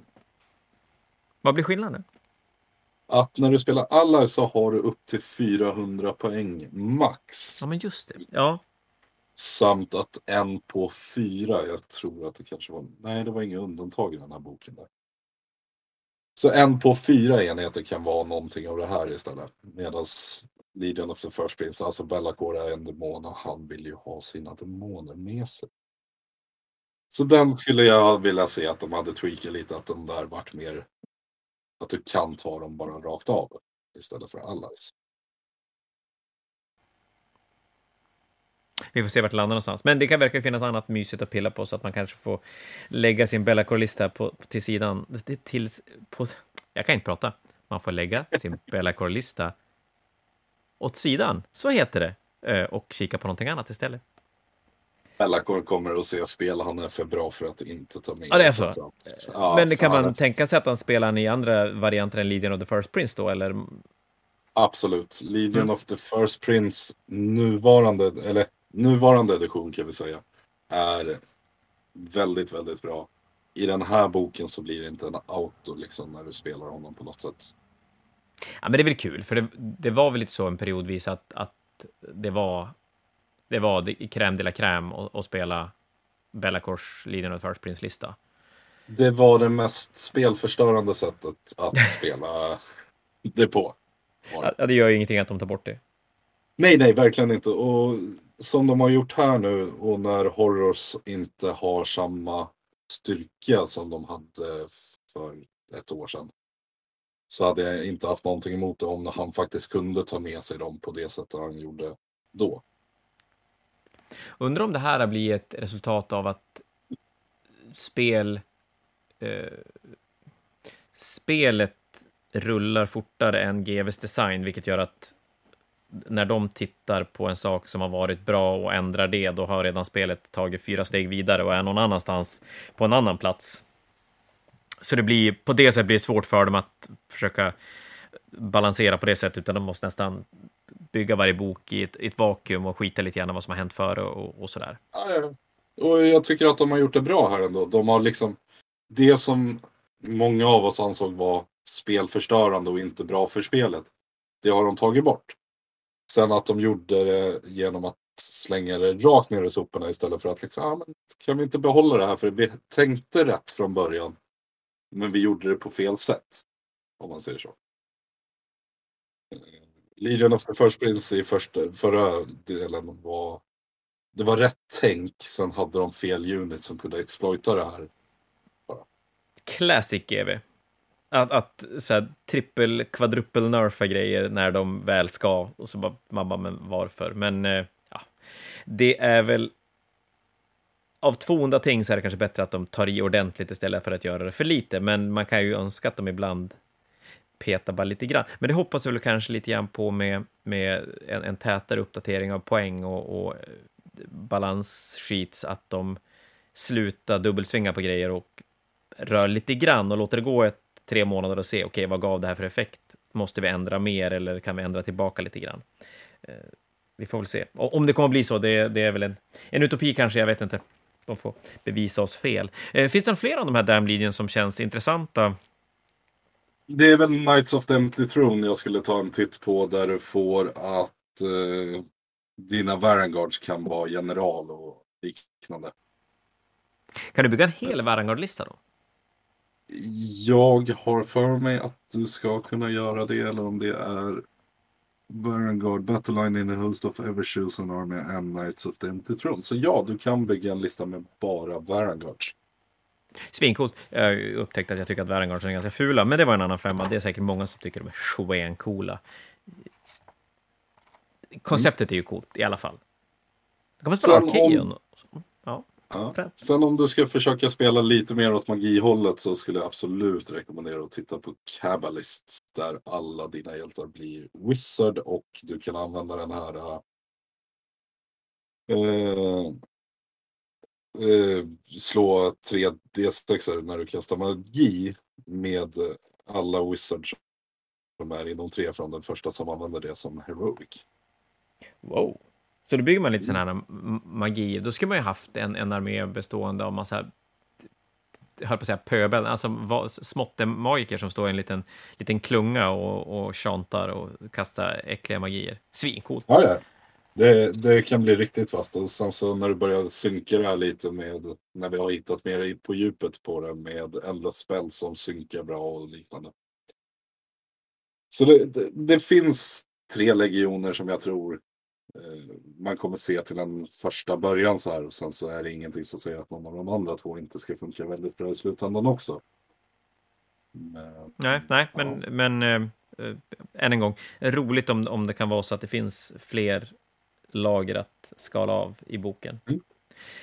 Är det Verkligen. hopp till Grand Strategies och Battle Tactics nu? Eller har jag hoppat för långt? Nu är det hopp till dit, ja. Och då pratade vi lite grann innan om, om eh, innan vi började spela in om det här med Battle Tactics som har varit en grej i Age of Sigmar, att det har inte alltid varit tillåtet på turneringar att spela Battle Tactics från de respektive Battletomes för att det har ansetts lite för bra. Nu har GW gått ut och ja, det är väl inte en officiell ruling så, för att turnering, de, de låter ju ändå turneringar bestämma sina... Nej, förlåt, det var VTC som hade tillåtit Battle Tactics från de specifika... Eller Worlds heter det ju nu. Mm nu, nu är vi med här. Eh, Worlds ja. hade tillåtit Battle Tactics från de specifika Battletomesen och precis eller Worlds blir ju en sån institution som någonstans säger de att det är okej, okay, då, ja, då följer andra. Och det, de stora, lite mer seriösa turneringarna gör väl, all, gör väl rätt i att lyssna, tycker jag, för att är det någonting spelet mår bra av så är det ju en, en lik när det kommer just till regler och FAQ och grejer så mår ju spelet väldigt bra av att det finns en, en, eh, en likriktighet i, i, genom hela communityn, oavsett om vi spelar i USA eller vi spelar i Europa eller vart vi nu är någonstans. Absolut, jag tycker att eh, de här grejerna ska finnas med. Det är sånt som de som ska åka och försöka spela Worlds i singel eller i lag, de måste få spela riktiga matcher med det. Sen har jag i alla fall valt att nerfa det här på, på mitt sätt när vi spelar våra Kota-turneringar här i egna lokalen. Då har jag gjort som så att väljer du en egen Grand Strategy så är den värd två poäng istället för tre poäng. Väljer du en egen Battle Tactic så är den värd en poäng istället för två poäng oavsett vad som står i boken. Eh, dels för att det ska göra det svårare. Vissa böcker har fått det lite för enkelt med sina egna Battle Tactics. Och är de då värda en poäng istället för två poäng, väljer du fem av dina egna under hela matchen, då har du tappat fem victory points istället för att försöka gå på djupet och, och göra det lite svårare. Och det tycker jag är okej när man spelar på hemmaplan. Liksom, för väljer du den enkla vägen så tycker jag att någon annan som har valt den svåra vägen kanske förtjänar att vinna om det är väldigt få poäng som skiljer er åt. Eh, sen kommer det bara när du åker iväg på Worlds eller liknande att öppna upp din egen potential ännu bättre. För helt plötsligt får du två poäng eller tre poäng för dina grejer istället för en eller två poäng. Så ja, det blir det ju som... inte sämre att spela, spelar den på World som du har tränat med den hemma. Du kommer ju bara vinna mer om du, om du hanterar den och klarar av dem under spelets gång. Oh ja, det är liksom som att spela bowling och vara lite dålig och spela utan ränna och sen så börja, eller utan de här stöd eh, på sidorna. Fasen, du börjar få en jävla massa poäng när du sätter upp dem där och fortfarande får spela. Ja, verkligen. Spela utan kryckan och sen sätter man dit kryckan sen. Det ja. jag tänkte nu säga, finns det en tanke att i framtiden se Battle Tactics, arméspecifika Battle Tactics i Generals Handbook och så sen att man någonstans inte använder dem i boken, för då kan de justera dem och, och justera balansen i böckerna genom att justera Battle Tactics? Någonting jag skulle uppskatta och kanske se är att du får välja sex eller sju styckna som du skriver dit på din armélista. Som du kan använda. Eh, så att det går ifrån åtta ifrån eh, GOBn plus fyra, fem, sex styckna beroende på vilken battle tome du spelar till att okej, okay, det är de här sju jag kommer ha under hela turneringen. Min motståndare får lättare att planera emot det. Och jag kan enklare planera runt det så att det blir en del utav, utav listbygget i helhet istället för att okej, okay, nu väljer jag den här för den är auto. Det är ju bra. Det är ju en jätte, jättebra lösning. Det gör som du säger att du kan implementera det i, i hur du tänker med listan och att du inte kanske alltid kan vara säker på att alla alla motståndares arméer passar för vad du har valt. Ni har och... väl något liknande i 40K tänkte jag säga. Inte riktigt battle tactics, men... Nej, men har... konceptet är ju lite samma, att man väljer en, en del sätt man samlar poäng under spelets, under spelets gång och det väljer du inför varje match. Och, och, där kan det ju vara så att vissa passar väldigt bra mot vissa typer av arméer och, och vissa arméer, där blir det till och med så att en tanke när man bygger sin armé, det är att försöka släppa så få val till motståndare som möjligt. Eh, vilket också är en liten grej, att så här, är det värt att ta in den här, ja, ah, men då kanske jag bara ger motståndaren ännu lättare val. Om jag tar bort den, min armé blir lite sämre, men det blir svårare för motståndarna att plocka poäng. Och det tänker jag också är samma, för där har de även på 40K-sidan gjort så att de här eh, sekundära objektiven som det kallas, de finns de med i deras motsvarighet till Chapter Approved. Och det gör ju att de, om en bok ligger efter så kan de, har de lättare möjlighet att gå in och justera balans utan att måste släppa en ny Battletome genom att kanske ge dem ett jättebra battle tactic som, som, som är rejält mycket bättre än vad, vad vissa andra har tillgång till just för att de ska stå sig i metat på ett annat sätt. Så att, det kanske är en grej. Hur rent, utan att gå in nödvändigtvis i detalj på Battle Tactics till Slave to Darkness, hur, hur står de sig? Är de rimliga? Eller är det Daughter of Cain-varianter? Nej, de här är rimliga. Det är lite mera... De är tematiska på ett helt annat sätt och de drar inte iväg i victory points heller på något sätt. Eh, så det är inga pluspoäng för att du klarar av någonting eller någonting åt det hållet. Ja, för det måste ju vara bland det dummaste de har skrivit in. Ja, ja, oh ja, det är det. Det, det, det den, köper jag inte alls. Den här är ärlig, är den. Ja, ja men det är schysst. Att det, det, ja, det, man måste ändå spela och, och göra bra val för att klara sina battle tactics och det, ja. det är bra. Det är ärligt. Det är inte massa hymmel med det här på något sätt. Ganska skönt när man spelar armén också, för det, sådana här saker brukar ju oftast kunna skapa lite dålig, jag ska inte säga dålig stämning, men att armén får lite feelbad från motståndare och, och, det kan hänga kvar ganska länge. Alltså så här, alltså hur lång tid tog det innan, innan Woodelf tappade sin sån eh, feelbad som den armén hade i gamla fantasy till exempel. Och det är inget kul. Jaha, du spelar, du spelar Daughter of Cain, fan vad tråkigt. Man bara, jag men jag spelar ju säga... dåligt. Jättarna hade väl det fram till nya boken kom.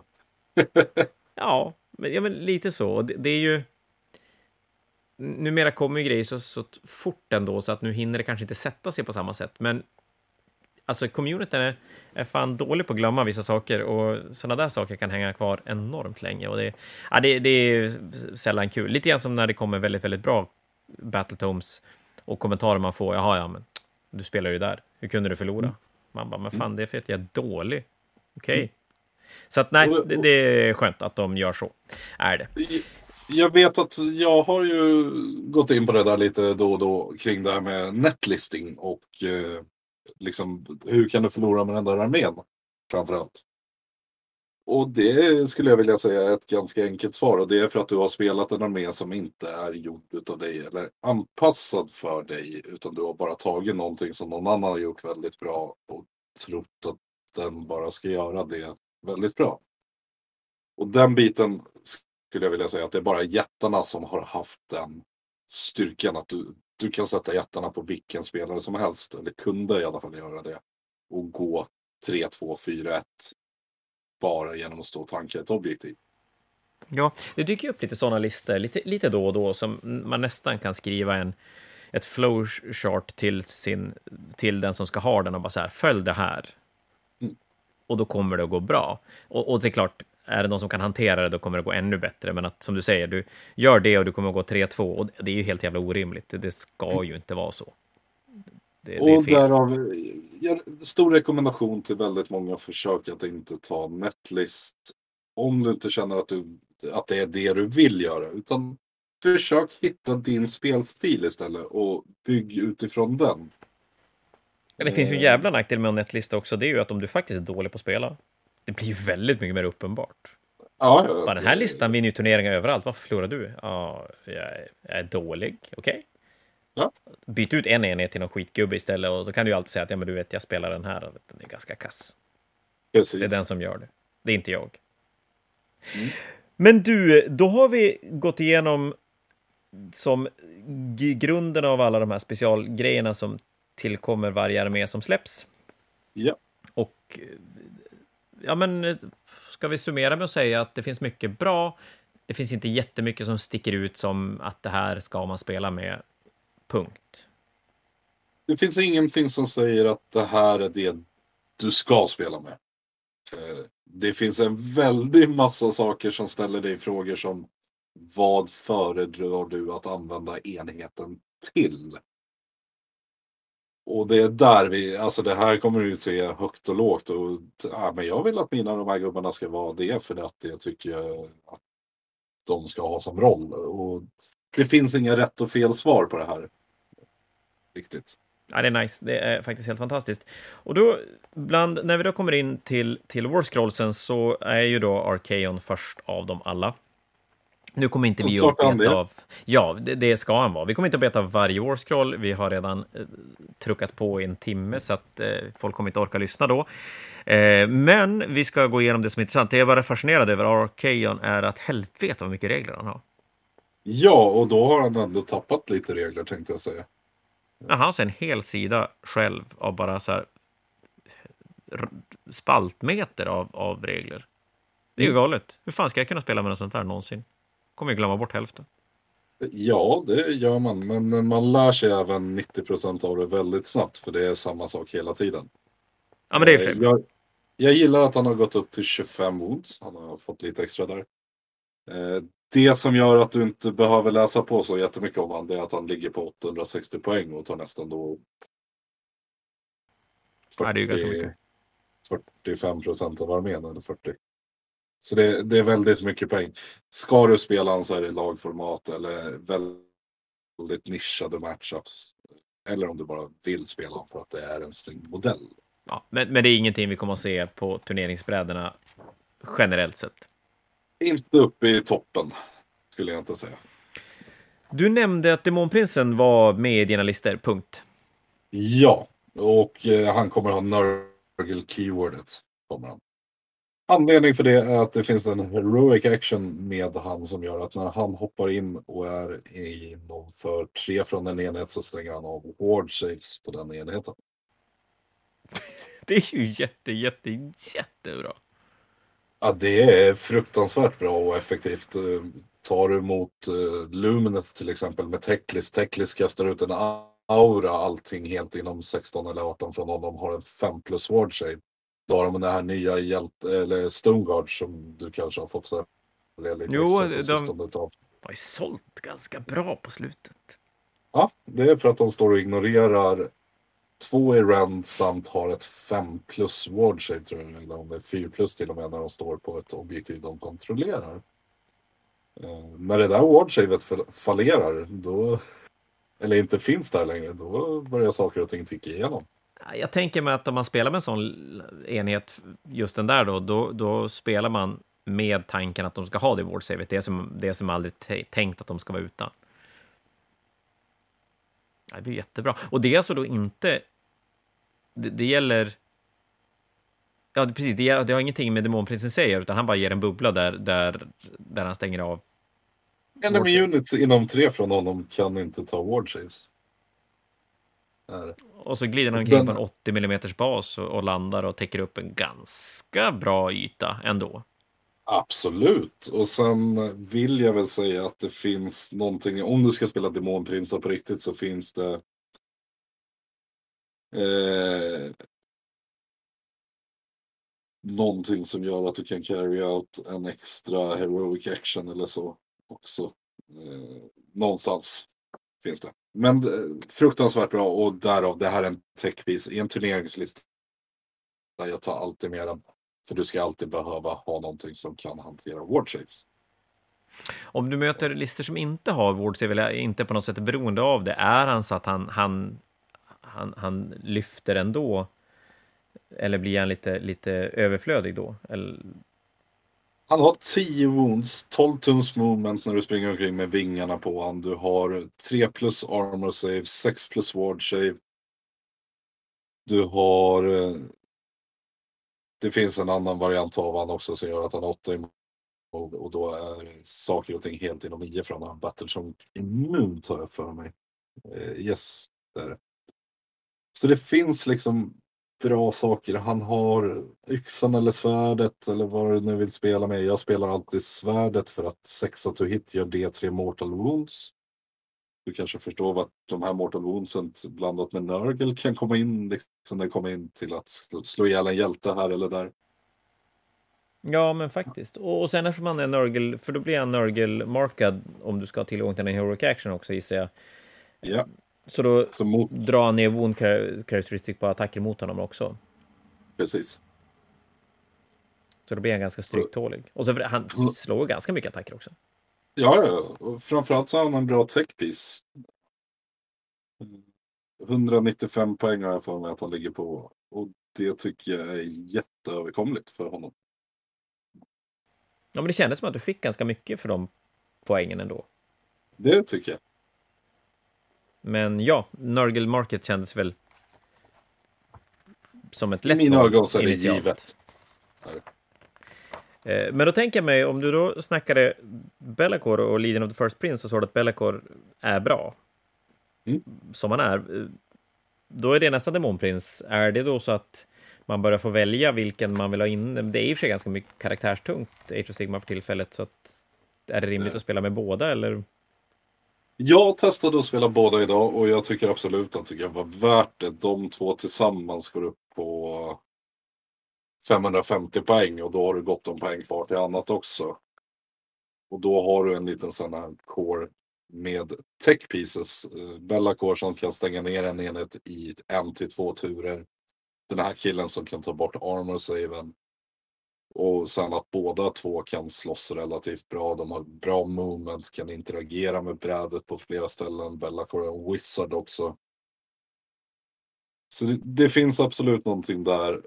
Sen vet jag inte än riktigt. Jag har inte spelat tillräckligt med det för att kunna säga vad som är min spelstil på det hela om man skulle säga så.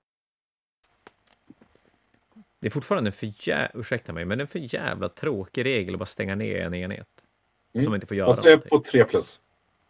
Det är sant. slå- Det tycker jag är, det är kul ändå.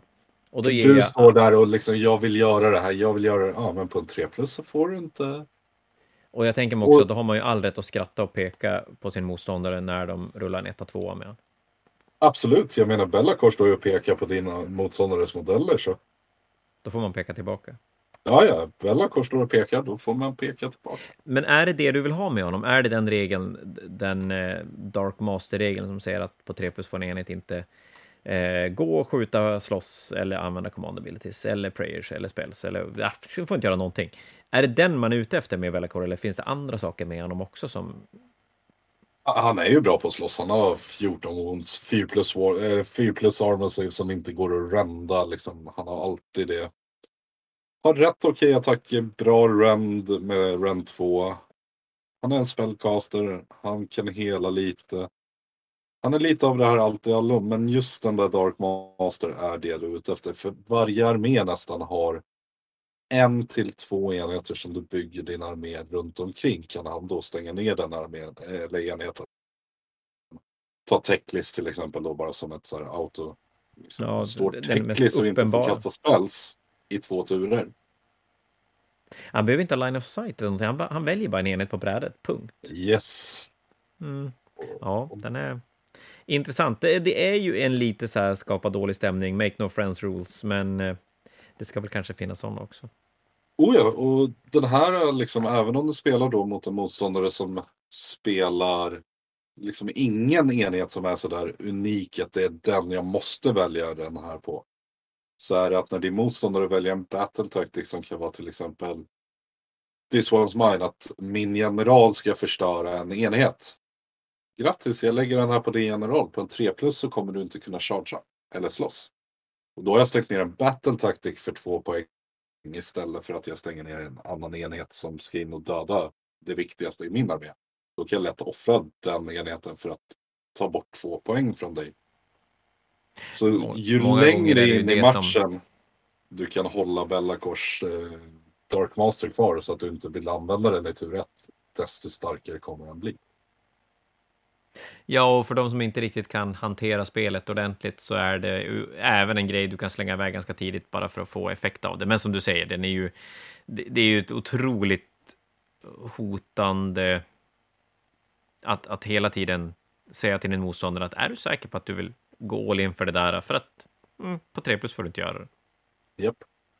Det, Den är- den, ställer, den ställer alla de rätta frågorna och den är inte på en 2 plus vilket gör att jag är helt okej med den. Hade den varit på 2 plus då hade jag tyckt att den var bullshit, bara rakt av. Ja, för då börjar det bli så att du kan räkna med att du kommer att få igenom den. En, en 3 plus är ju faktiskt inte så. att Då är det ju på en turnering med fem matcher så kommer du att två matcherna, en och en halva matcherna, inte har fått igenom den. Och har du byggt kring att det är det du ska göra, då blir det ju lite tråkigare. Och det är därför jag tycker att Bellacore är väldigt bra poängsatt. Jag tycker att det är en väldigt bra modell utan att vara overpowered på något som helst sätt. Det är nice. I övrigt på Hero-sidan så har de jättemånga hjältar. Det är Ja. 40 varianter av Chaos Lords på olika riddjur. Det är Gaunt i två olika varianter och så sen har vi även lite magiker och eh, vad tänkte jag mer? Jo, vi har någon av de här karaktärerna från eh, Nej, de är nog inga hjältar i och för sig. Jag tänkte från, från eh... Underworld och liknande. Men det, det är fruktansvärt mycket karaktärer i boken. Är det någonting annat som sticker ut som eh, man känner att man vill ha med, eller? Så det är väl den där eh, Bellacors nya hantlangare som jag bara vill se ska komma ut i spelet. För fy satan vilken snygg modell. Eternus där, sidan efter Bellacor. Eh, Du kan lägga undan en sån till mig när han kommer direkt. Ja, men just det, det är den där ja, som de har spoilade för, för ett tag sedan. Ja. Ja, den är ju för jävla fet. Det är ju då en Chaos Lord-ish. Jo, nej, men det är ju en, en fet Chaos Lord på ett fet häst. Ja, alltså den är wow. Är den wow på brädet också? Den har sina, sina pros and cons. Har den. Eh, rent statist, stats så är det en stark snubbe som slåss. Han, han vill in och buffla liksom. Men han har sin Wains of Black Lightning. At the end of your movement phase, if this unit has been slain, roll 2d6 and add 1 to the roll if Bellacore is in your army and on the battlefield. On an 8 plus, you can set up this unit anywhere on the battlefield more than 9 inches away from all enemy units, with all wounds allocated to it removed. Så, så en, en armé med Bellacore och den här Eternus, då, då är det så här, det är två tärningsrull under matchens gång som... eh, Nej, det, han får komma tillbaka varje gång han dör. Japp. Ja, Jesus Christ. Okej, så att det blir, det blir minst... Eller ja, han kanske aldrig dör i och för sig, så då blir det... Men fortfarande, okej, det blir en del tärningsrull som blir väldigt, väldigt, väldigt avgörande. Kanske Yes. framför allt om man spelar lite grann på chans med den här listan. Och, och ja, så här, ja. ja, men det är klart jag rullar. Det är klart jag rullar 7 plus för att komma tillbaka. Det är klart jag rullar 3 plus för att stänga ner en enhet. Det kan bli fruktansvärt bra. Och liksom, han, ger, han har en ability som ger extra command points om han är i närheten av Legionnaires eller Furies också. Så helt plötsligt har du en kille som ger extra command point. Och du kan spela med eller utan Bellacor om du spelar han. Eh, det är liksom... Det är ingen som säger att du måste ha Bellacor i listan också. Men för 235 poäng för honom och Bellacor på 355 Alltså det är inte så jätte, jättemycket. Det är 600 poäng du gör av med. Slänger du in en demonprins också så är du uppe på strax under 800 poäng och det är ändå fortfarande mindre än Archeon. Ja, och då har du tre chonk boys som, som eh, kan göra massa dumma saker. Ja, ja. Men om du spelar, då, du spelar Bellacore och så spelar du den här snubben och så sen kör du Varangards. Kan du då spela det så att du får rally på 4 plus och så kan du har du massa sådana här tärningsslag som verkligen bara svängar fram och tillbaka beroende på hur du rullar. Ja, ja, det finns mycket du kan göra med det här. Så jävla dumt, så jävla roligt. Ja.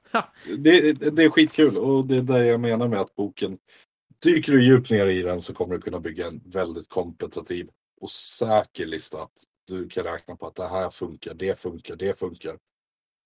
Och sen har du istället att ah, men jag vill spela lite mer på chans. Jag tänker spela honom. Och sen så när det väl funkar så står alla andra och bara men kan du sluta nu? Det här är inte ens kul. Nej men det är kul. Det är kul. Jag tycker det är roligt. Det är Ja. roliga, eh, snygga regler.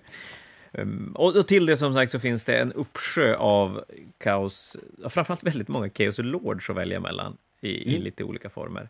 Eh, Ja, och jag tänker mig att där är det kanske svårt att peta i någon speciell som, som sticker ut, eller är det någon du känner utöver, över de här tre vi har pratat om som... Det enda jag kan säga bara sådär rakt av att jag vet med säkerhet är att om du inte har en Case Sorcerer Lord i listan så har du begått eh, krigsbrott tänkte jag säga. Men, eh, nej, men då har du väl eh, följt alla fredliga alternativ som finns. Eh, det är en väldigt bra hjälte för väldigt billig poäng. Han kan ge en friendly unit helt inom 12 6 plus ward fram till din nästa hero face hans inbyggda spel som du då skulle kunna kasta med tre tärningar. Och eh, väljer en Friendly Mortal Slaves to Darkness unit helt inom 18 får plus 1 och hit en wounds. Plus 1 och hit en wound är väldigt bra generellt. Ja, för det har du möjlighet att få på andra enheter också om du spelar, spelar Slanners. Hade du någon möjlighet att få det?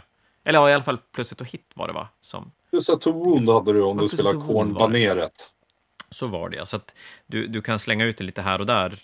Och då blir, ja. det, ganska, då blir, då blir det ganska punschigt. Blir det. Yes. Det blir Ska jag ge en heads-up på ett par andra enheter bara så är det Caves Chariots, Gorebeast Chariots som kommer att vara de här äh, köra över saker på chargen, köra in i saker på chargen, sticka därifrån, köra bort och göra mortal wounds. Men då blir de ganska billiga och snabba så att de, de känns väldigt värda att fylla ut en lista med. Det, det är just det här med impact hitsen och göra mortal wounds och kunna hoppa över saker. Och jag tror det går Beast Chariot som på ett 3 plus gör D6 mortal wounds också.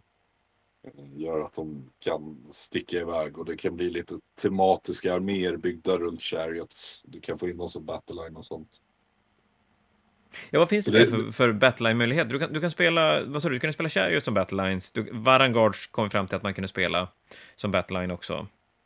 Du har Chariots, Case Knights, Legionnaires, Marauders, Marauders Horsemen, Corvus Cabal, Cypherlords, Dark Oath Savagers, Horns of Hashut.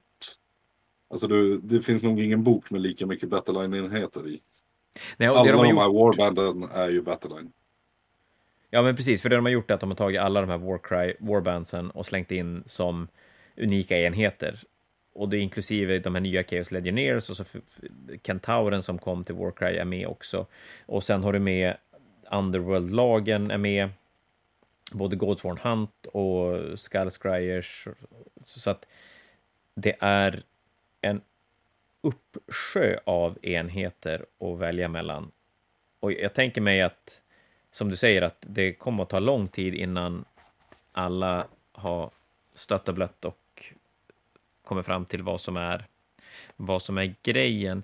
Jag blev lite nyfiken när man kollar så här eh, enheter som för ibland kan det vara lite lurigt när man, när man bygger Age of Sigma-listor att lyckas tajma poängen och att det är ganska bra när det finns lite billiga enheter att, att fylla ut med. Keospånen, hur, hur känns den nu? För den har ju generellt sett ofta varit en sån enhet som du slänger in för att fylla ut lite grann, men, och ibland har den varit väldigt, väldigt bra.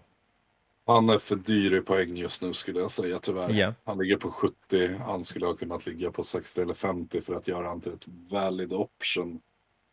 Eh, tycker ja, det är klart, som man 70 då, då blir det lite kanske lite dyrt för att bara fylla ut luckor. Då är det bättre att designa om det och få in någonting ordentligt för de poängen istället. Ja, för där har du de här Untamed Beast och liknande. Du går upp 20 poäng men du får ett pre-game move på 6 tum för att skapa en screening-yta mot saker och ting och liknande. Det lät bra. Det är det. Det är bra. När det kommer till de här grundenheterna, Chaos Warriors, Chaos Knights, är det någonting som man kommer att vilja med? Chaos Warriors slash Chaos Chosens, vart, vart landar man där tror du? Eh, om jag bara skulle säga gå och köp det här så är det den gamla, eller den nygamla startlådan med eh, Chaos eh, eller Slaves to Darkness. Den med 10 Warriors, Kracka Draken och 5 Knights. Och den ja, det är en bra låda. Och, och den här nya startlådan. Ja. Eh, vad har du 1500 poäng då, eller vart landar man någonstans då? Ungefär? Eh, 195, 220, 440, 230, 195 och 220. Alltså du, du är över 1000 poäng i alla fall. Utan problem. Ja. Och det kommer inte vara dåliga tusen poäng. För fem öre. Det kommer vara väldigt, väldigt stabilt. Även de här uh, Ogroid uh, Theridons kan göra sitt under en match. Genom. Men du var inte helt imponerad över dem? Jag är inte helt imponerad över dem och det är nog mest för att de inte passar min spelstil rakt av. Plus att de är väl lite dyra i poäng skulle jag vilja säga. För hur ligger, hur ligger nästa poänguppdatering till Age of Sigmar? Vart är vi någonstans då? Är det i, redan i januari eller är det längre bort? Han var här om... Ja, vi fick väl en liten FAQ här nyss men jag skulle nog säga att vi ligger en bit bort med den. Ja. Ja, det gör det för ingenting, för det är klart, skulle den komma väldigt nära, då skulle ju Slate Darkness-boken inte vara berörd av den. Det behövs ju Nej, lite statistik. den här boken och nya Ogers-boken kommer behöva landa innan, innan vi får någonting större. Det är 190 poäng för de här Ogre Theridons.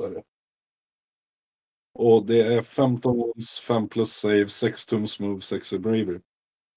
Sen får du välja om du ska ha en sköld för att få ner savet till 4 plus eller om du såklart ska ha en tvåhandsyxa som har red 2 damage 3.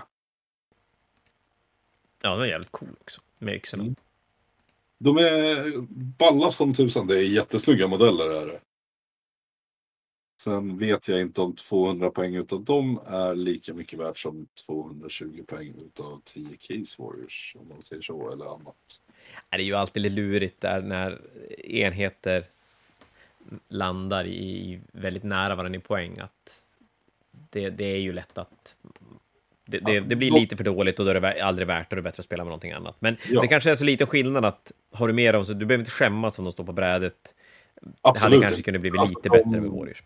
De kan gå in och slå ut hjältar. Alltså de fyller en roll utanför, om man bara ska säga att hej, jag vill starta Slaves to Darkness och jag vill börja så billigt som möjligt om man skulle säga det så. Då.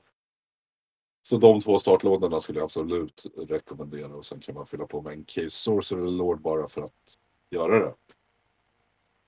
Och ja. då är du igång på riktigt. Det. Och sen som det ser ut med, med GV, GV-spel och deras sätt att designa böcker nu, eller deras sätt att förändra böcker nu, det är ju att det är ju nästan aldrig värt att bygga 2000 poäng, punkt. Du, du måste ju nästan bygga typ 2500 och vara lite förberedd, i alla fall om vi, i det sammanhang vi pratar, när man faktiskt pratar lite turnering och lite tävling. Du måste ju som vara förberedd för poängförändringar, lite regelförändringar som gör att den där enheten så kanske byts ut mot någonting annat. Och det är väl egentligen bara bra. Sen kan man ju alltid ifrågasätta om det går för fort eller om det går för långsamt, men det är ju väldigt individuellt beroende på hur mycket man spelar och hur mycket man har tid att, att gräva ner sig i hobbyn. Eh, jag tror att det tempo de har nu känns rätt okej. Okay. Jag kanske ibland kan känna att det går lite, lite fort, men då spelar ju jag mindre än många andra och så att ja, kanske fel person att svara på det. Men du, innan vi dödar våra lyssnare för att de inte orkar lyssna längre, eller rättare sagt att vi pratar för tomma, för, för, för, vi pratar för ingen. Är det någon till enhet som är sådär, som, du, som sticker ut lite grann, eller som gör någonting som känns spännande, som är med i boken, som vi inte har pratat om? Jag kommer säga då Splintered Fang och det är bara på grund av att det finns vissa interaktioner med tidigare Korn och så som gör dem eh, bonkers. Och vad kan man göra då? Det är en enhet som har 6 hit, är ett mortal wound. Det är en enhet som har tre attacker i grund. Du kan få in cord keyword på den här enheten. Eh, och få dem till Battleline, alltså Galatian Veteran, så att de slår i två led och sen kan du få in så att de får extra attack på chargen och väldigt mycket sådana här saker. Du kan komma upp i fyra eller fem attacker tror jag det är var, om inte mer. Eh, och ja, liksom du har en enhet med 20, de har ganska små baser, allting kommer oftast in, du kan få plus 3 på run and charge och rerolla wound rolls eh, just nu. Eh, 4 plus 2 plus 6 retreat och mortal wounds. 20 modeller gånger 5 attacker, det är 100 attacker. Eh, det börjar bli en del mortal wounds. Ja, Ja. verkligen. Och så spikar du det där på något sätt. Som sagt, det här är en enhet jag egentligen inte skulle vilja ta upp som ett hot på det sättet. För jag tror inte att den här korninteraktionen kommer stå sig så länge. Och framförallt inte tills det har kommit en, eh, en FAQ. Nej. Och det är klart, de tål ju skit och ingenting. Jo, ja, så är det. Men när de väl kommer in, då kommer de in. Ja, då gör det ont som fan. Och som du säger, det är en, det är en enhet med en jävligt liten footprint, så att den är ju ganska lätt att skjuta in där du, där du känner att du vill ha den. Ja. Det... Och Men det är de en- sakerna. Kul enhet, om, om det blir så, för att den spelas ju inte själv. För som sagt, får du inte in den, motståndaren får slå först på den, ja, då är den ju död. Yes. Och det är ju alltid lite kul med enheter som ändå är lite trixiga. Eh, ska jag ta en enhet som är bara cool och någonting jag kommer se Do it. täckas lite mer när det väl kommer in. Det, det är Corvus Cabal. Eh, this unit is not visible to enemy units while it is in cover. In addition, if this unit attempts a charge while it is holding on a terrain feature, it can fly when making a charge move in that phase. Ja, det var ju faktiskt jätteroligt. Bra eller dåligt, det är fel person att, att uttrycka Ja. det om. Men fan var rätt med tanke på vilka modeller det är. Det är de här korpsnubbarna från eh, Warcry. Ja. Skitcoolt. Och sen så att de har en deep strike också så bygger du en ganska låg dropplista så kommer du kunna sätta ner de här helt på en trängbit. Eh, nio tum bort från motståndaren och sen så måste din motståndare gå runt där för den kan inte ta bort det via skytte eller någonting. Så kan du använda den enheten, sätta ut den på ett sätt som gör att du interagerar med trängen på bordet på ett väldigt bra sätt och är duktig som spelare och vet vart du ska försöka screena av, skapa de här ytorna. För motståndare får ju inte gå inom tre tum från trängbiten. De kan chargea in där, men då måste de chargea in en enhet som inte är värt mycket poäng. Det blir, då har man ju slängt bort en runda på, på vägen och det är klart en lite större terrängbit. Då börjar du stänga av ganska stor del av brädet där den landar ner. Ja. Och framförallt, som sagt, du kan inte skjuta på dem för du ser dem inte. Du kan inte lägga spells på dem för du ser dem inte. Så du skapar väldigt mycket tech med det här. Det här är en... Jag vill säga att när vi har hittat listan som... Det här är listan som ska spelas om du ska spela hårt, hårt kompetitivt. Mm. Så kommer du se den här enheten för att den spelaren vet vad den håller på med också. Ja, jag tänker det, och den, den känns ju spontant som att den inte är jätte, jättedyr heller, för som sagt, det är ju modeller gjorda av ja, papper med ett, ett wound 6 plus save. Och att få den där äh, möjligheten att stänga av brädet är ju, men det är ju sjukt effektivt i händerna på folk som kan använda det. Det är 80 poäng för en enhet som har nio modeller och är battle lines. Så du kan väldigt lätt spela med lite tyngre enheter på planen också. Kan det rent vara så att det är tanken att spela, man kan spela flera sådana enheter, att spela två enheter? För... Ja, tre till och med. Alltså det, och det är det här som är grejen med hela boken. att ja, Du har väldigt billiga saker som du kan göra väldigt, väldigt mycket tricks med. Det är väl det som kanske har hänt lite grann, för tidigare har ju egentligen bara Marauder Horsemans och vanliga Marauders varit den, den billiga enheten att gå till. Ja visst, man har haft någon Chariot och, och som vi pratade om tidigare, Spånet till exempel. Men med alla de här Warcry Warbandsen har du ju fått ett, en uppsjö av billiga enheter som kan vara lite olika, som, man kan, ja, men som kan vara lite trixiga kanske. Och även väldigt, som du, som du har pratat om tidigare, rätt tematiska, att man kan hitta modeller man gillar och man behöver inte lägga halva armén i poäng för att få in dem, utan det är som du säger en 80-100 poängs battle-enhet man kan stoppa in. Yes. I like it. Eh, har du Corvus Cabal hemma så kan jag ta två lådor. Jag tänkte säga, jag tänkte just säga att det finns ju ett återkommande problem med nya böcker och GV. Att allt, precis allt, är ju slut. Det är bara så jävla dumt. Nu vet jag inte riktigt hur det ser ut, men jag tror... Jag beställde grejer idag, nu har jag inte kollat riktigt, men jag vet att Flamers till demonerna kommer tillbaka till exempel, men allt annat demoner är slut. De har ju fått en ny bok i 40K. Eh, Stoneguards var ju slut skitlänge när Lumineth-boken kom. Eh, vad har vi mer nu? Alltså de här Warcry Warbandsen, de har ju inte gått att få tag i på hur länge som helst. Så att det, de gör det ju inte alltid lätt. Jag kan ju känna att de kanske borde se till att enheter till en ny bok finns att köpa direkt boken kommer. För att det är då man vill köpa, testa. Sen att kanske saker blir stående på hyllan, men det är ju jävligt dumt om man har proxa och spelar med det och insett att man inte vill ha det, för det är inget bra. Det... Så, Nej, jag vet alltså, inte. och lådorna i sig också. Corvus Cabal där, du får ju 18 modeller så du får ju två uppsättningar också. Ja, Så det är det, fruktansvärt. Ja, det är ju väldigt, väldigt bra värde på de här lådorna också. Ja. Och Eh, det är lite roligt, för då kan ju Kaos-arméerna, för, för de har ju oftast tenderat att vara massa Chonky Boys i rustning, lite så här metall och shade på. Men med alla de här Warcry Warbandsen så får du rätt mycket unikt utseende på, på arméerna och, och lite färgklickar lite här och där. Yes.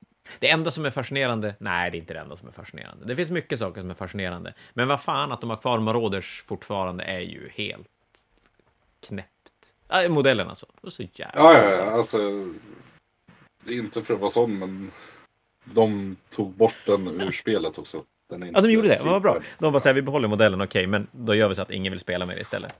Ja, men det är vad de gjorde. Det finns Bra. ingen anledning att spela den enheten över någon av de här andra enheterna om man säger så. Nej, det är faktiskt...